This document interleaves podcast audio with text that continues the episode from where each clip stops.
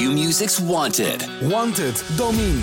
Blijf Domine verschuren 100 uur lang uit de handen van Bram Krikken? Voorspel en maak kans op 10.000 euro. Volg het vanaf 13 mei bij Q-Music. Hoi, voordat je gaat luisteren, eerst even dit. Als je Brani leuk vindt, dan ben je misschien ook geïnteresseerd in de andere podcast van het Parool. In Amsterdam Wereldstad praat ik, Lorianne van Gelder, iedere week met verslaggevers en experts over typisch Amsterdamse thema's. Hoe Amsterdam Noord ooit werd gebouwd als afvoerputje van de stad, waarom Amsterdammers moeten leren leven met ratten en hoe paradijsvogels uit de stad verdwijnen. Iedere dinsdagochtend hoor je een nieuwe aflevering op parool.nl. Dit programma wordt mede mogelijk gemaakt door Toto.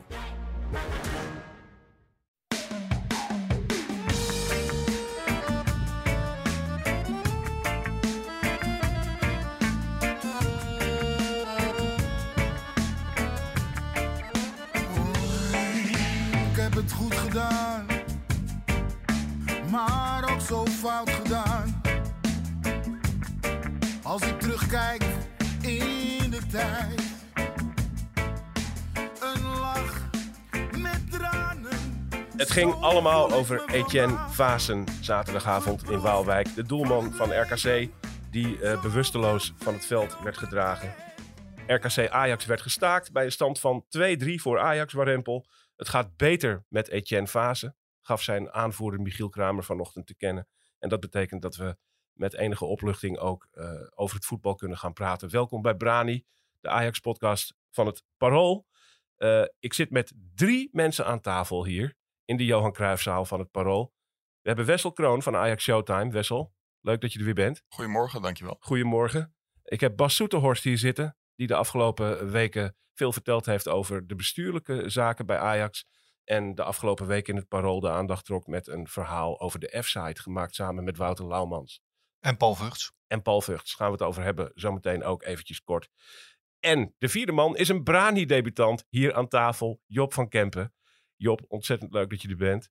Eh, jij eh, eh, hebt vroeger in het verleden jarenlang de column Hekwerk gedaan. Ja, ja officieel heette die staanplaats toen. Maar Staanplaats. Ja. Hekwerk later. Ja, Of eerder. eerder was het, ja. hij heeft hekwerk en staanplaats gegeven. Ja, nee, dat klopt. Dat is eh, een jaar of eh 15 geleden ongeveer. In de periode dat je nog alle trainingen bij Ajax kon zien. Toen trainen ze voor, die, eh, voor de arena op die twee trainingsvelden. Maar toen heb ik veel wedstrijden gezien en veel trainingen gezien. Heb ik veel over Ajax geschreven in die, in die periode. Ja, en dat ga je weer iets vaker doen, want we hebben nieuws voor je over Dick Sintony. Je hebt gemerkt dat hij al een aantal weken niet in Brani verschijnt. En inmiddels kunnen we zeggen dat Dick een tijdje afwezig zal zijn om gezondheidsredenen.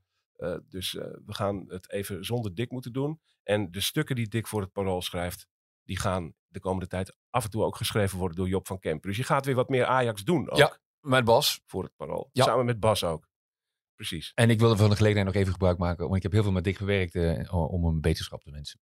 Absoluut. Dat wilde ik gaan doen ook. Want we weten dat eh, Dick eh, de vorige Brani heeft zitten luisteren. En dat hij er helemaal in zat. Dick, als je luistert, we zijn bij je. En eh, we hopen je snel weer te zien.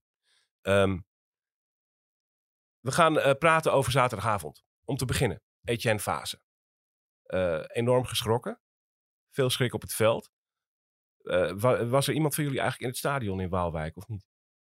Ik zou gaan, maar er, er kwam wel tussen op het laatst, dus ik heb niet kunnen gaan. We hadden niemand in het stadion. Op tv zag het er allemaal heel vreemd uit, Wessel. Ja. Het gebeurde buiten beeld, min of meer. En eh, wat was precies eh, daar aan de hand? Nou ja, je, je schrikt meteen op het moment dat, eh, dat je ziet dat Bobby in aan- aanraking komt met de keeper. En je ziet hem meteen zo levenloos liggen eigenlijk als het ware. En vooral de schrik komt dan als je die artsen eigenlijk binnen no time eh, het veld op ziet sprinten. En dan denk je wel meteen, het is echt heel serieus. Het Ja. was ook, ik heb de wedstrijd nog een keer teruggekeken gisteren. Het was meteen muisstil. Meteen paniek ook bij een aantal RK RKC-spelers die in de buurt stonden. Dat is, was, zag er blijkbaar allemaal echt heel eh, schrikbarend uit. Eh, en er schijnt gereanimeerd te zijn.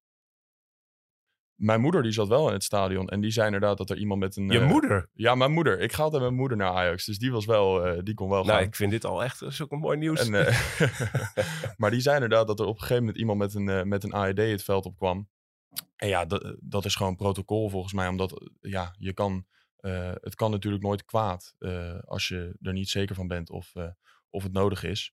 Eh, achteraf bleek volgens mij dan dat dat eh, niet het probleem was geweest. Dus dat dat eh, niet nodig was. Maar ehm, ja, je, je zou nooit in de situatie terecht willen komen dat je achteraf denkt, hadden we maar dit gedaan. Ja, Ik, ik, eh, ik heb die wedstrijd op tv gezien ook. En ik zag op een gegeven moment de medische staf van de RKC en heel kort de medische staf van Ajax. Daarna ook naar eh, fase toe rennen. En ehm, we hebben eh, Ajax eh, bij Nouri eh, is, er- is ook die hartstilstand geweest. Maar er is eerder nog een hartstilstand geweest bij Evander Snow. Die speelde toen bij Jong Ajax. En de arts die hem toen heel snel gereanimeerd heeft, die is nu arts van het eerste elftal. En die ging er ook meteen naartoe. Ja. Dus dat is, ik dacht wel, eh, als er iets heel erg, ernstigs aan de hand is op dat vlak, is het een arts die daar in het verleden eh, eh, nou ja, heeft aangetoond dat hij daar heel adequaat mee kan omgaan. en heel snel. Ja, Ja. ja, ja. Nou goed, eh, Etienne Vaas is afgevoerd naar het ziekenhuis. Zag er allemaal zorgwekkend uit. Bleek, blijkt nu gelukkig enigszins mee te vallen. Het schijnt goed met hem te gaan. Hij is bij kennis, er is geen bloeding geconstateerd. Er is geen schade geconstateerd. Eh, dus met hem eh, gaat het de goede kant op. Hij zal geen luisteraar van Brani zijn, maar we hopen toch dat het allemaal helemaal goed komt met hem. Eh, en het feit dat het goed met hem komt, stelt ons misschien in staat om het toch ook met een wat lichter gemoed over het voetbal te hebben. Dat we even naar die wedstrijd kunnen kijken. Want een interessante was het wel weer. Een wedstrijd waarin Ajax weer standaard de twee tegendoelpunten incasseerde die bijna eh, gebruikelijk zijn de laatste tijd. Maar er vallen wel interessante dingen over die wedstrijd te zeggen. Wessel, dan begin ik even bij jou. Eh, zou je om te beginnen iets kunnen zeggen over de samenstelling van de achterhoede? Eh, nou, ik denk toch wel dat dat iedereen een beetje verraste. Dat er toch weer wijzigingen werden doorgevoerd achterin. Nou denk ik dat iedereen daar op zich positief door verrast was in de loop van de wedstrijd. Dat dat beter stond dan de voorgaande wedstrijden. Eh, alleen vind ik het wel zonde dat, eh, eh, dat je Hato nu naar links achter Want wat hebt deed hij? Zeg dat even. nou ja, als je Avila centraal zet en Hato ver, verplaatst daardoor naar links. Dus je kreeg een nieuw centraal duo. waar ze denk ik wel echt de vruchten van kunnen gaan plukken.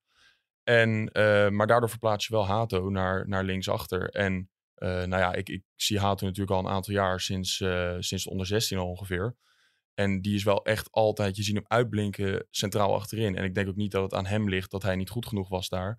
Uh, maar het ligt er meer aan dat uh, Stijn nu aan het denken is: hoe kan ik dit het beste in elkaar krijgen? En dan slachtoffert hij toch Hato enigszins door hem naar die linkerkant te zetten. Dus ik vind dat wel enigszins zonde.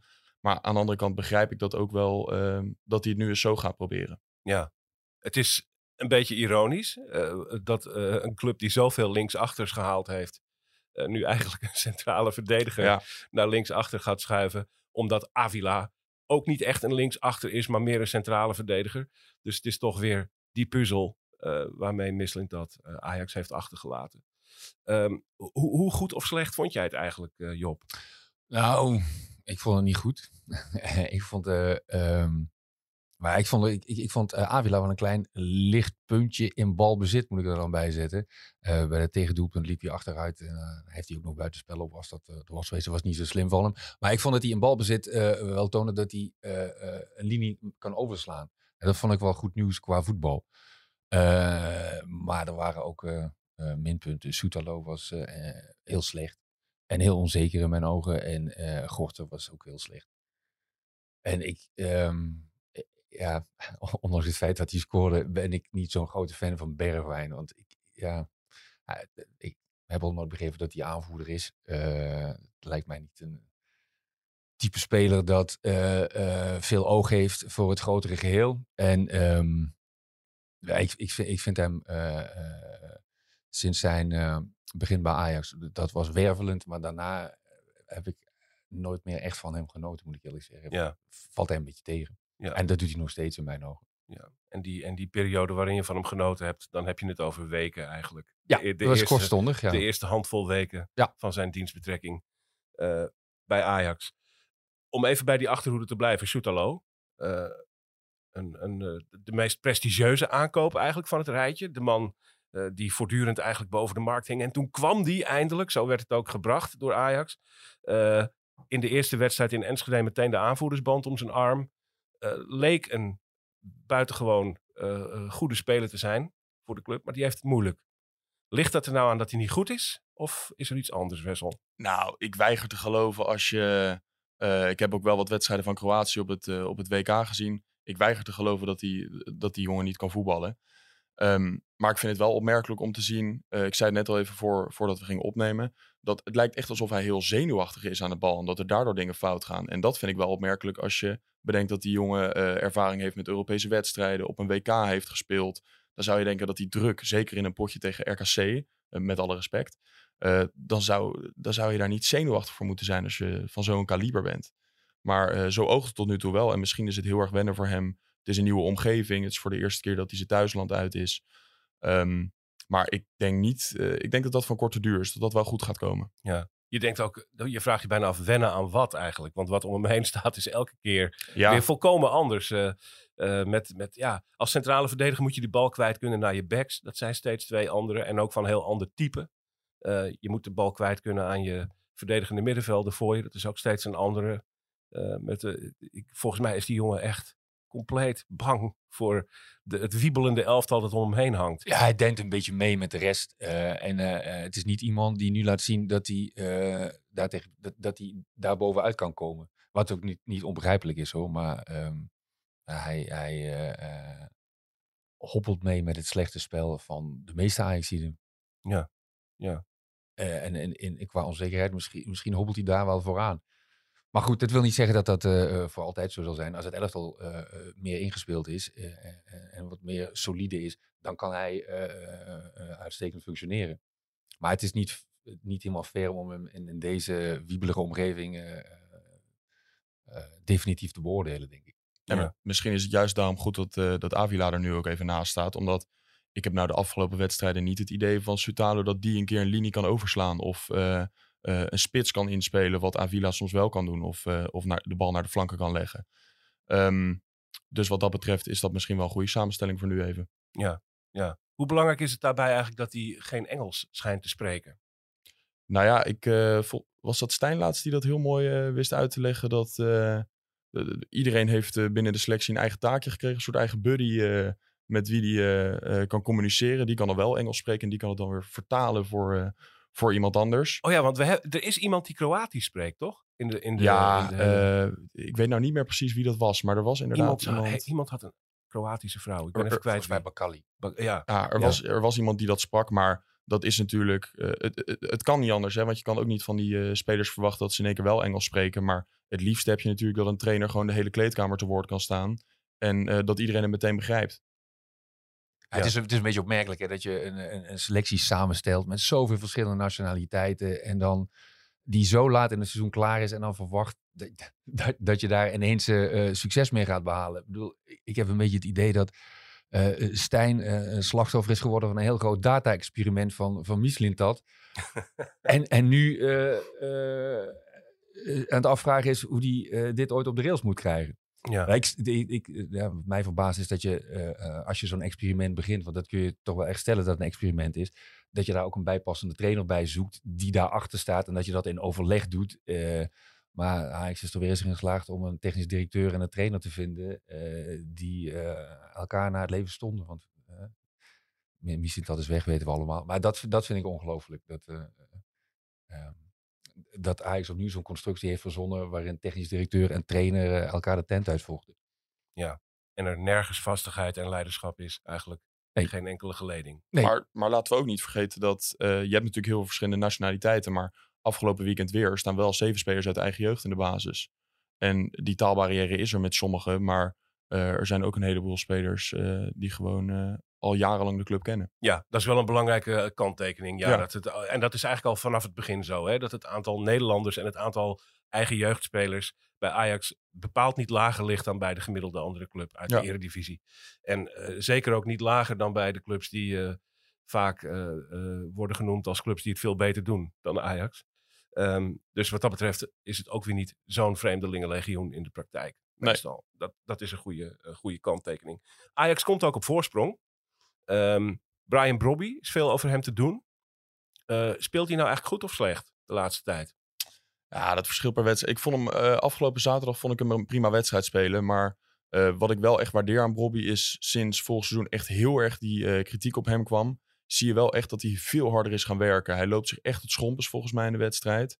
En eh, ik heb het idee dat hij steeds vaker, wat mensen niet zien, als spits word je natuurlijk beoordeeld op, eh, op doelpunten. Ja, en dat gaat soms natuurlijk nog mis bij hem. Maar in het veldspel is hij ook heel belangrijk, vind ik, voor Ajax. Als je kijkt hoe vaak hij die bal krijgt met zijn rug naar het doel. En weer de bal kan laten vallen voor een middenvelder onder hem. Of het spel kan verplaatsen naar een buitenspeler.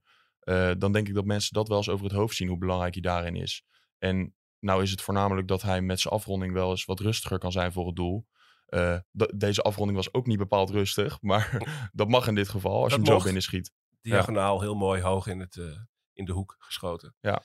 Eh, die, die, die prachtige voorbereiding van dit doelpunt kwam van Carlos Forbes. Ja. Hoe bevalt hij jou, Job?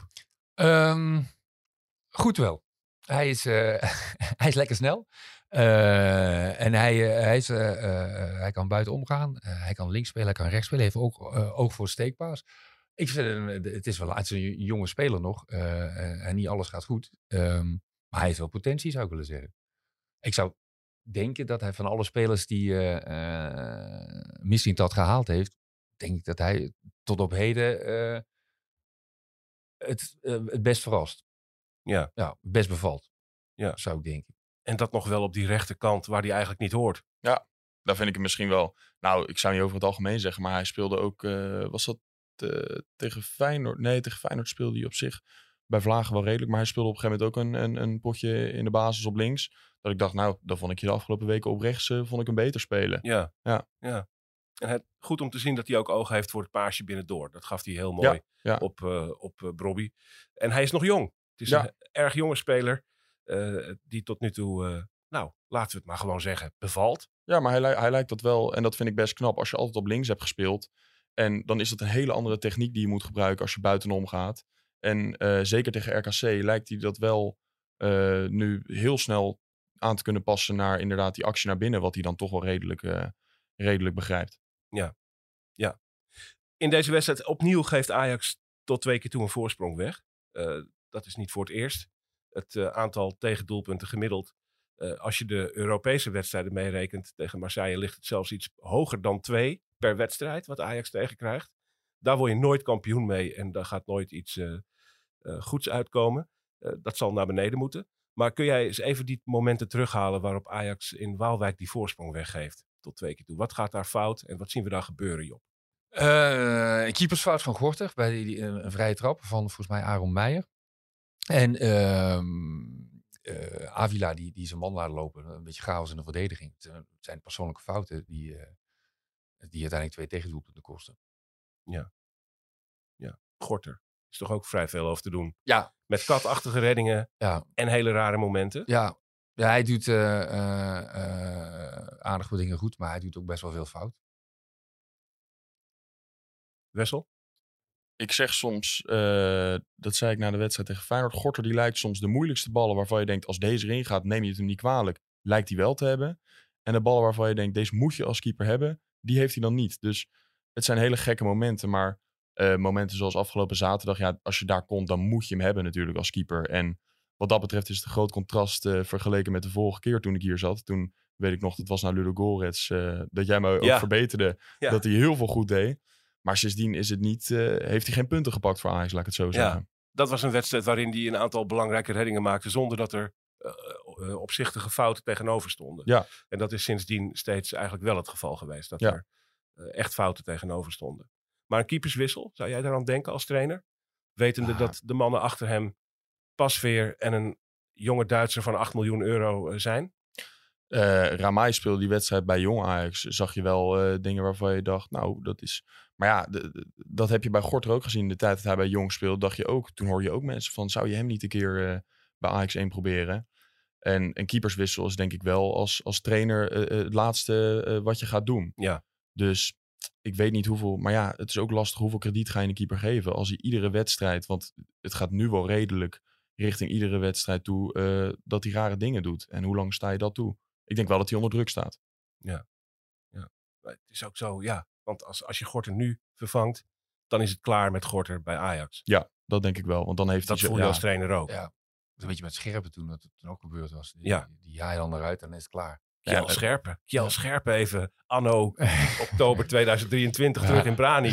Nee, dan kan hij ook niet zeggen in principe dat hij de kans niet heeft gehad. Want die heeft hij dan meerdere keren gekregen. Ja. Op een gegeven moment moet je ook gaan leveren. Ja, ja. Goed, Ajax komt op voorsprong. eh, uiteindelijk door een doelpunt van Steven Berghuis. Ja. Eh, eerder hadden we natuurlijk nog de strafschop van Bergwijn. Eh, nou ja, dat is dan zo'n moment. Bergwijn scoort weer eens. Ja. Eh, vanaf 11 meter dan. Je hoopt altijd dat het wat met hem doet. Dat het hem wat zelfvertrouwen geeft. Maar ja, V- viel er iets te zien wat jou betreft dat, dat Ajax daar op deze avond iets van zelfvertrouwen en vastigheid opdeed? Of eigenlijk helemaal niet? Mm, ja, de wedstrijd is nog niet afgelopen. Hè? En ik denk dat. eh, Nog vier eh, minuten. Ja, nou ja, Ja. ik denk dat, de- dat de uitslag van die wedstrijd uiteindelijk veel gaat betekenen voor het vertrouwen van Ajax. Hè? Ja. Als, je, als je wint, dan eh, heb je hem in ieder geval gewonnen. Ik- als je hem gelijk speelt, dan eh, wordt het vertrouwen nog brozer. Maar. Ja, ik had, maar dat is een indruk, hè. Dus eh, ik, had niet, ik, had de indruk dat, dat, dat de doelpunten Ajax een beetje overkwamen. Zowel die ze tegenkregen als die ze maakten, in zekere zin. Ik had niet de indruk dat het nou. Hè, dat, er, dat er de ene naar de andere flitsende aanval was. en dat het een, een kwestie van tijd was voor die ging vallen. Nee, ik had de indruk, eh, eh, zeker na die gelijkmaker van, van RKC. kwamen ze nog voor de rust weer op voorsprong. Ik denk, lijkt een beetje uit de lucht vallen. Dat, het overkwam Ajax een beetje. Ja. mijn idee. Ja. Eh, en wat je hoopt te zien natuurlijk, is dat er steeds meer lijnen in het spel komt. En eh, eh, dat er. Ja, op enig moment ja, dat het logisch is die gaat vallen. Dat je, dat je, overheer, dat, dat je geen kansen tegenkrijgt, dat je overwicht hebt, eh, eh, eh, dat je controle hebt. En vanuit daaruit steeds meer druk gaat uit. Maar dat, dat, dat, dat zie ik niet. Ja, daarom vraag ik het natuurlijk ook, omdat er steeds gezegd wordt: wat dit Ajax nodig heeft, is dat ze gewoon even een paar keer winnen. Nou, dat zou dan nu kunnen gebeuren, maar heb je aan deze overwinning echt iets? Of zit je als groep toch weer... Ja, het, het helpt wel. Ik, bedoel, ik had eh, Stijn wel eens gevraagd voor die wedstrijd tegen Feyenoord. Eh, Feyenoord kwam als grote titel of als grote favoriet voor die wedstrijd ehm, eh, naar de arena.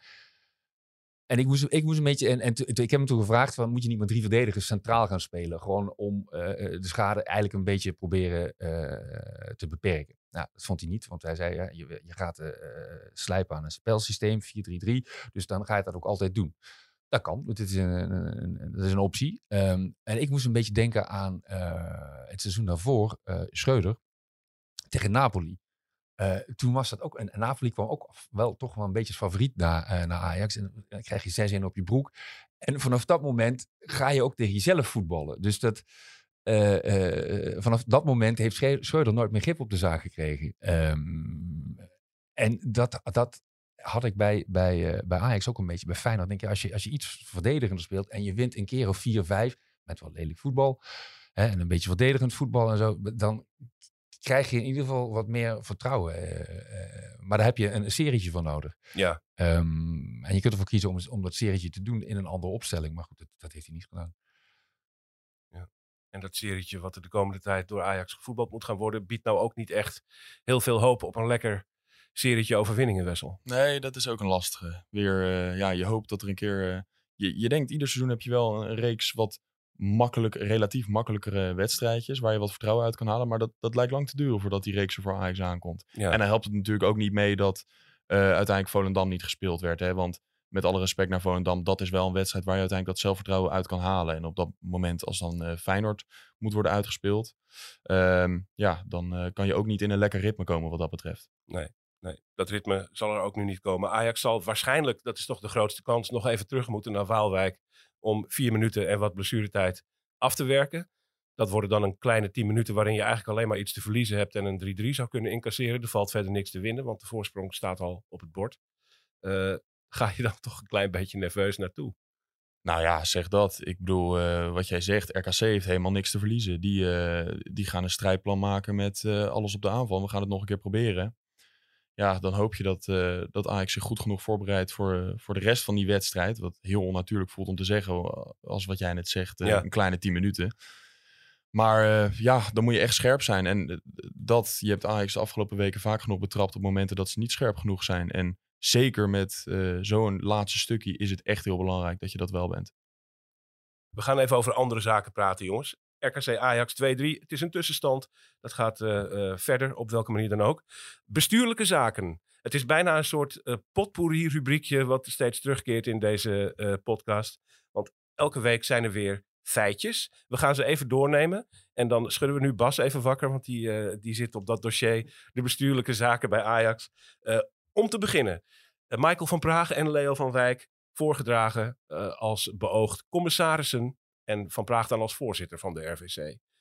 Wat dacht jij toen je die stap aangekondigd zag?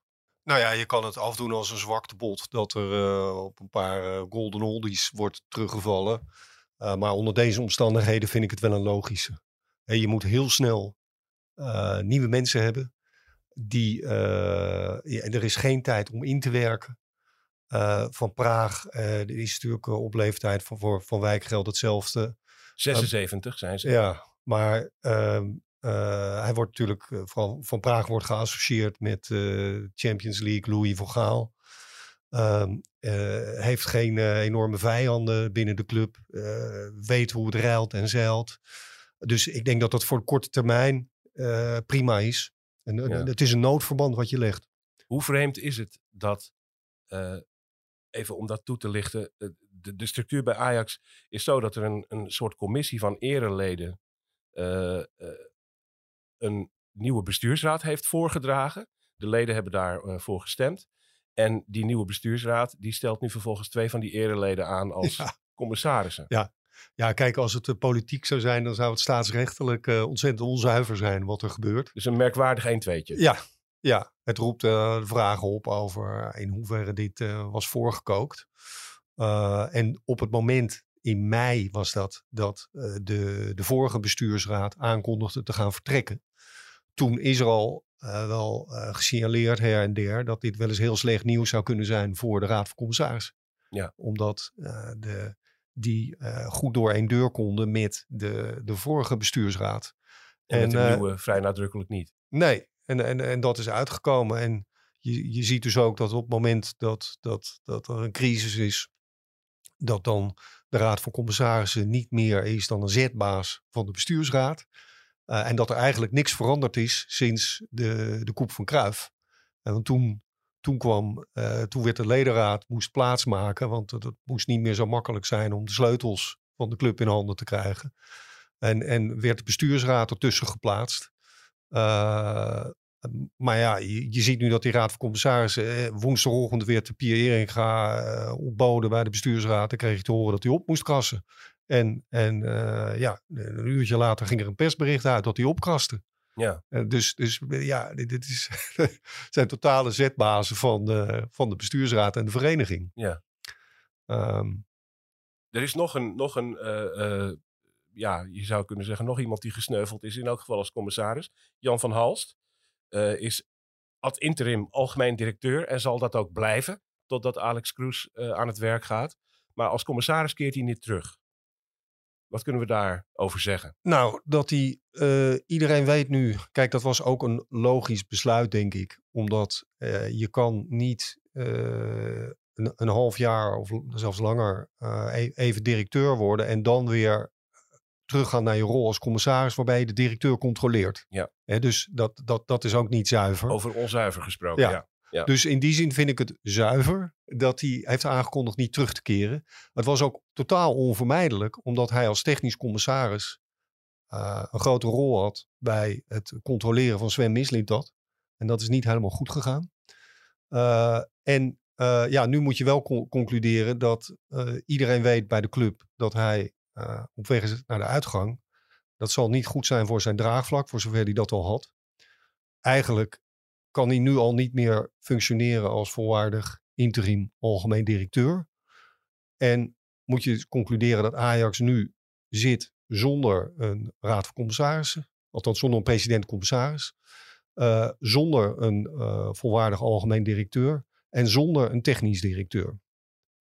En ja, de transfer nou, window komt er zo meteen alweer aan. Job, dan mogen de woorden één schip op drift ja. uh, wel uh, van stal gehaald worden. Ja, zeker. Uh, zaak is volgens mij dat Alex Groes zo snel mogelijk aantreedt. En het voordeel van Alex Groes, als hij snel kan aantreden, is wel dat hij niet alleen geschikt is als algemene directeur in mijn ogen. Hij heeft die zakelijke ervaring, maar als voormalige spelersmakelaar is hij ook geschikt als technisch directeur. Dat was aanvankelijk ook de functie waarvoor Ajax hem gevraagd heeft, overigens. Um, dus ja, ik kan me niet, ik, ik kan me niet voorstellen dat niet uh, uh, op dit deinende schip alles in het werk wordt gesteld om, om Alex Kroes zo snel mogelijk kapitein te maken. Ja, dat is eigenlijk de enige optie. Ja. Dat, is, dat zal moeten. Uh, daar zijn we een paar uitspraken over tegengekomen in de media de afgelopen 24 uur. Eerst was er Robert Eenhoorn van AZ. Eh, die zei dat het op zich bespreekbaar is dat Alex Kroes eerder begint. Ja. Maar dat Ajax dan het initiatief zal moeten nemen om aan tafel te verschijnen Ja. en daarover te praten. Van Praag zou ik zeggen. Dit lijkt me typisch een klus voor Van Praag. Ja. En vervolgens is er Alex Kroes zelf die zegt. Het kan toch nog wel even duren, want zo makkelijk is dat allemaal niet. Nee, ja, de, ik, de- de ins en outs van die contract die ken ik niet. Maar, nee, die ehm, kennen we allemaal niet. Nee, maar ik kan, me, eh, ik kan me niet voorstellen dat, ehm, eh, dat er problemen zijn die niet, met, die niet met geld zijn op te lossen in dit eh, geval. Ik, Ja. eh, ik las zelf dat AZ eh, dat het niet met geld te maken had, maar dat ze eh, eisten dat ze willen best Kroes nu afstaan aan Ajax. Maar dan willen ze dat Ajax de komende tien jaar niemand bij Ajax, eh, geen enkele werknemer meer weghaalt, inclusief spelers. Maar dat ze wel apart zijn, want dat is bijna een soort chantage. dat ja. heeft iets Poetinesks bijna. ja, om dat, eh, op die het zou manier. natuurlijk eh, compleet bizar zijn als En dat het, waar het, is. li- het lijkt me ook als Ajax een speler voor 100 miljoen komt op, ophalen bij AZ, dat AZ dan niet met zo'n clausule Nee, van dat je mag het niet niet doen. zeggen, laat maar. Nee, nee, nee, dat is een beetje een rare, eh, rare uitlating natuurlijk. Eh, maar van Praag erop af. Om te praten lijkt, over het lijkt me- het, het lijkt mij wel, ja. Eh, je, je- dat dat, eh, vergt eh, enig tact en eh, eh, vasthoudendheid. Nou ja, dat, ik denk dat Van Praag dat, eh, dat nog wel heeft. Ja, ja. Wat Van Praag ook meteen zei dat hij wilde doen, is in gesprek treden met de harde kern van de Ajax-supporters. Eh, er stond een eh, buitengewoon lezenswaardig artikel over in het Parool. Eh, afgelopen week. Je vindt een link naar dat artikel in de show notes van Brani trouwens terug. Daar kun je teruglezen. Eh verhalen over de invloed die de harde kern eh, binnen Ajax op dit moment heeft. Bas, kun je daar eens iets over vertellen? Ja, dat is, dat is niet een totaal nieuwe ontwikkeling. Dat is vaker, in, vooral in moeilijke tijden, dan wordt er vanuit de harde kern snel geroepen om vertrek van deze en gene. En dat is in deze crisis niet anders. Het ingewikkelde is voor Ajax, het, geldt ook bij, het speelt ook bij andere topclubs. Ehm, maar eh, het, ingewikkelde is dat je als club een, een haat-liefde verhouding hebt met die harde kern. Het is aan de ene kant een twaalfde man die je nodig hebt voor sfeer. eh, waar je ook, eh, als het even kan, on speaking terms mee wil zijn. Om voor zover mogelijk dingen een beetje te organiseren. En weet wat er leeft. Ja. Uh, maar dat draagt ook, ja, dat heeft ook iets explosiefs. Er zitten risico's in. Um, uh, Van Praag heeft altijd de strategie gehad om uh, die mensen dood te knuffelen. En ja, daar kan je net mee komen. Uh, ja, hij ging ook op bezoek in de gevangenis bij, bij Polletje en dat soort, dat soort dingen. Um, dus ja, daar ging hij best wel ver in. En, en het, het ingewikkelde ervan is dat ik de afgelopen dagen ook mensen sprak rond top van de club. Die dan anderen in de top van de club verdacht van uh, lijntjes met die harde kern in uh, paaien van de harde kern. Um, dus dus daar zit het explosieve in. Ja. Uh, hè, mensen verdenken elkaar al snel van dubbele agenda's. En dat, dat, dat wordt heel ingewikkeld om te onderscheiden wie er nu in charge is op het moment dat een gremium als de bestuursraad hetzelfde wil als de harde kern, namelijk het hoofd van Pia Eringa. Wie, wie heeft er dan de lead?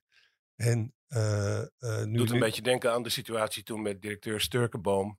Ja. Uh, die van het toneel moest verdwijnen. Johan Cruijff wilde dat, de harde kern wilde het ook. Ja, en toen, verdween, toen verschenen er een paar jongens in zijn voortuin in, uh, in Bos en Duinen en, uh, en, en s'avonds laat. En ja, een paar dagen later was hij weg. Ja. Die, die worsteling over het, die, die de vereniging dan heeft, of de club heeft met de harde kernsupporters, heeft ook een keer toe geleid dat een van de voormalige harde kernsupporters in de bestuurstraat is komen te zitten destijds. Volgens mij was dat Roland Pilo was dat. Dus dat is, ja, dat is altijd moeilijk om uh, je, kunt, je moet ermee dealen. En hoe je dat doet, ja, dat, uh, kun je over twisten of dat uh, goed is of niet. Maar je, je kunt het niet negeren. Hey, en, en van de week, en toen uh, Eringa was vertrokken of zijn vertrek aankondigde. Toen heeft de, de nieuwe voorzitter van de bestuursraad, uh, Boekhorst, die zei van oké, okay, hier moet het bij blijven. Mhm. De, de, rest van de raad van commissarissen laten we met rust. Ja. Uh, ja, je zag uh, zaterdagavond op de tribune weer uh, spandoeken van, bij, bij de harde kern met namen van commissarissen waarvan ik me afvraag of ze ooit, ooit van die mensen gehoord hebben. Josette Sliek, Annette Mosman. Ja. Eh, Ja. Het zegt niemand wat. Nee. Eh, Nee, en ook het, het werk van een commissaris. Eh, alleen al in algemene zin wat een commissaris doet en wat hij voor taak heeft. Dat weten heel veel mensen ook alleen al niet. Nee, maar de, Dus- de, de, de, de vraag is dus of, of, eh, of de geest nog in de fles terug kan. Eh, en, en, en, en je die, die roep om meer eh, rollende koppen eh, kan, kan intomen. Ja, de, de, de beste manier is om, om, om die mensen het zwijgen op te leggen, is door wedstrijden te winnen. Mm. Eh, maar ja, dat, dat, daar is het perspectief ook niet, niet, niet, niet ontzettend hoopgevend. Nee, Nee. Het, het probleem bij Ajax is dat die commissarissen die worden altijd enorm belangrijk op het moment dat het eh, eh, eh, technisch tegenvalt. Eh, mensen die eigenlijk een soort rol in de, in, in de zijlijn eh, vertegenwoordigen, die, die krijgen heel veel aandacht. Eh, En naar mijn idee worden zij altijd belangrijk, omdat de, de, de- crux bij Ajax altijd zit in een hele slechte combinatie van een technische directeur en een trainer. Die niet, die, die niet marcheert. Ehm, ik moest nog wel eens denken aan Mark Overmars, over wie heel veel, heel lovend wordt gesproken als technisch directeur. In, combi- met- in combinatie met Den Haag was dat zo. Maar Ja. in combinatie met Marcel Keizer was dat helemaal niet zo. Eh, dat marcheerde van geen meter. En eh, ehm, Overmars in combinatie met Bos functioneerde weer wel. Maar ja, het, de, de- het, het gaat om, eh, om, om die, de, de, de, eh, de chemie of, of, of de bereidheid tot, tot goede samenwerking eh, tussen Ja. die twee mensen. En de kwaliteit natuurlijk ook. Ik bedoel, laten we het ook niet omheen Dat is zo, dat is zo. Ja. Eigenlijk is dat ook heel. Er gaat ook iets relativerends vanuit. Ja. Van wat je hier vaststelt. Dat het in die ongelooflijk ingewikkelde structuur. met een bestuursraad en een RVC en een directie. en al die, al die, die, die facties die langs elkaar heen schuiven. Dat het uiteindelijk op één klein dingetje neerkomt. Ja. Dat is dat het in dat technische driehoekje werkt. Ja. Eh, wat natuurlijk bij Ajax in 1819, het succesjaar 1819, bij uitstek zo was. Niet alleen met Ten Hag en Overmars, maar ook met technisch commissaris Danny, Danny Blind. Die zaten letterlijk, zoals wij hier zitten, aan een tafeltje dicht bij elkaar Ja. koffie te drinken elke dag. Lijntjes waren kort, die mensen mochten elkaar en dus werkte het. Ja. Zo simpel is het eigenlijk. Maar ook omdat er nog een hele goede trainer is. Natuurlijk. Maar Ja. ik denk dat het, het eh, riskante van deze crisis is dat, dat eh Mislintat in vier maanden misschien meer kapot heeft Ja. gemaakt dan ons lief is. Eh, er staat eh, vandaag een eh, prachtige reconstructie in NRC over eh, die vier maanden. Eh, en eh, daar, daaruit rijst het beeld op dat Mislintat toch vooral als scout is blijven opereren. Wat hij ook was van Ja. origine. Ja. Ja. En, en, en, en er eer instelde om allerlei jonge, on, onontdekte talenten eh, naar Amsterdam te halen. En straks voor heel veel geld te verkopen. Waardoor de eh, selectie nu eh, in disbalans is. En je moet vrezen afgaan op wat we tot nu toe gezien hebben. Dat er tussen die twaalf eh, ni- niet, niet ontzettend veel van die groeibriljanten zitten. En eh, het, het, het, eh, het riskante voor Ajax is dat het businessmodel waarbij onder Leo van Wijk eh, besloten is om de salariscap op te heffen. En eh, eh, spelers als Daley Blind en Tadic te gaan halen. Ja.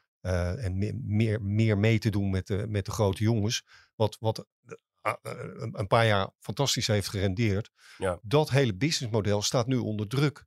Want wie garandeert dat je aan het eind van dit seizoen weer een, een Alvarez of een Kudus hebt die je voor, voor tientallen miljoenen kan verkopen, waardoor je eh, de zaak mooi draaiende kan houden en de ambities hoog kan houden. Ja, die, garantie is weg nu.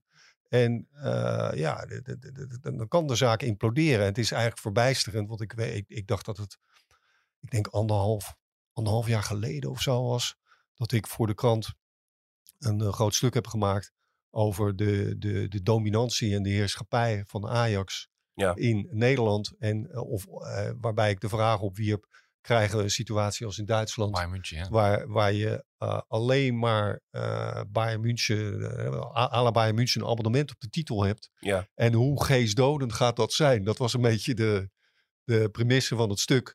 Maar ja, dat is nu natuurlijk lachwekkend als je kijkt waar Ajax nu staat. ik moet zeggen, zelfs op de golven van de, de hoogste golven van de eufo- euforie in 19, eh, 2019 en 2020. Ik heb er nooit in geloofd dat Ajax dat zou worden. Een, een eh, Bayern München van Nederland. Om de dood eenvoudige reden. Er zijn twee redenen voor, wat mij betreft, als ik dat mag uiteenzetten. Eh, de eerste is dat Ajax, anders dan de Europese topclubs, elke zomer zijn beste spelers kwijtraakt. En dus in een permanente staat van wederopbouw verkeert. Eh, daardoor zul je altijd een keer misperen en die titel mislopen. Bovendien is het zo dat die grote clubs in andere landen, die zijn alleen al op hun nationale markt verzekerd van meestal iets van 100 miljoen pond aan televisiegeld. Wat gewoon een, een fundament is onder hun hele financiële beleid. Dat heeft Ajax niet. Ajax krijgt dan Nederlands televisiegeld iets van 10 tot 12 miljoen euro, geloof ik. Uh, daar kan de schoorsteen niet van roken. En dat betekent dat wil je dat model volhouden, dat kan alleen maar door elk jaar te presteren en elk jaar top te verkopen.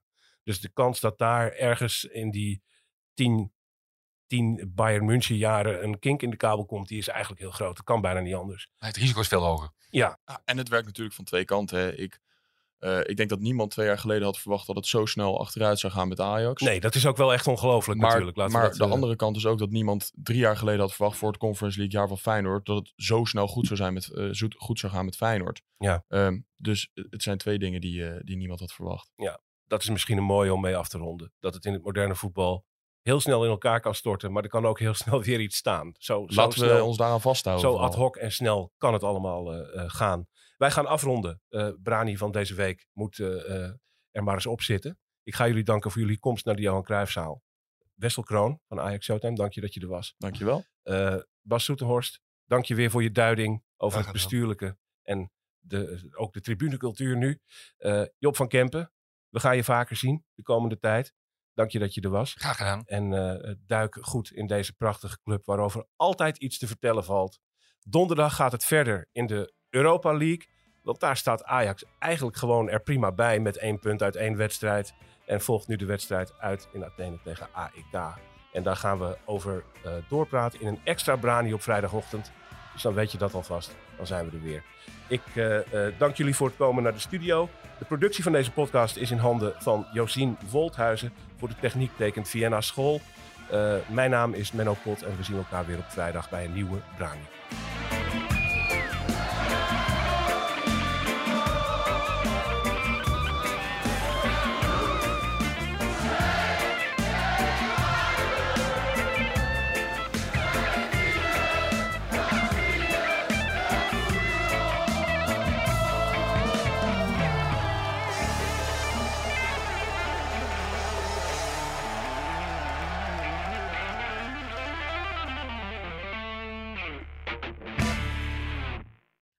Ik ben Camilla Leupen, hoofdredacteur van Het Parool.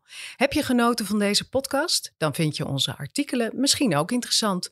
Een abonnement heb je al voor een paar euro per week. Je kan het ook eerst een paar weken proberen. Ga naar parool.nl/slash podcastactie voor een actuele aanbieding. Dag! Q-Music's Wanted. Wanted, Domine. Blijf Domine verschuren 100 uur lang uit de handen van Bram Krikken? Voorspel en maak kans op 10.000 euro. Volg het vanaf 13 mei bij Q-Music.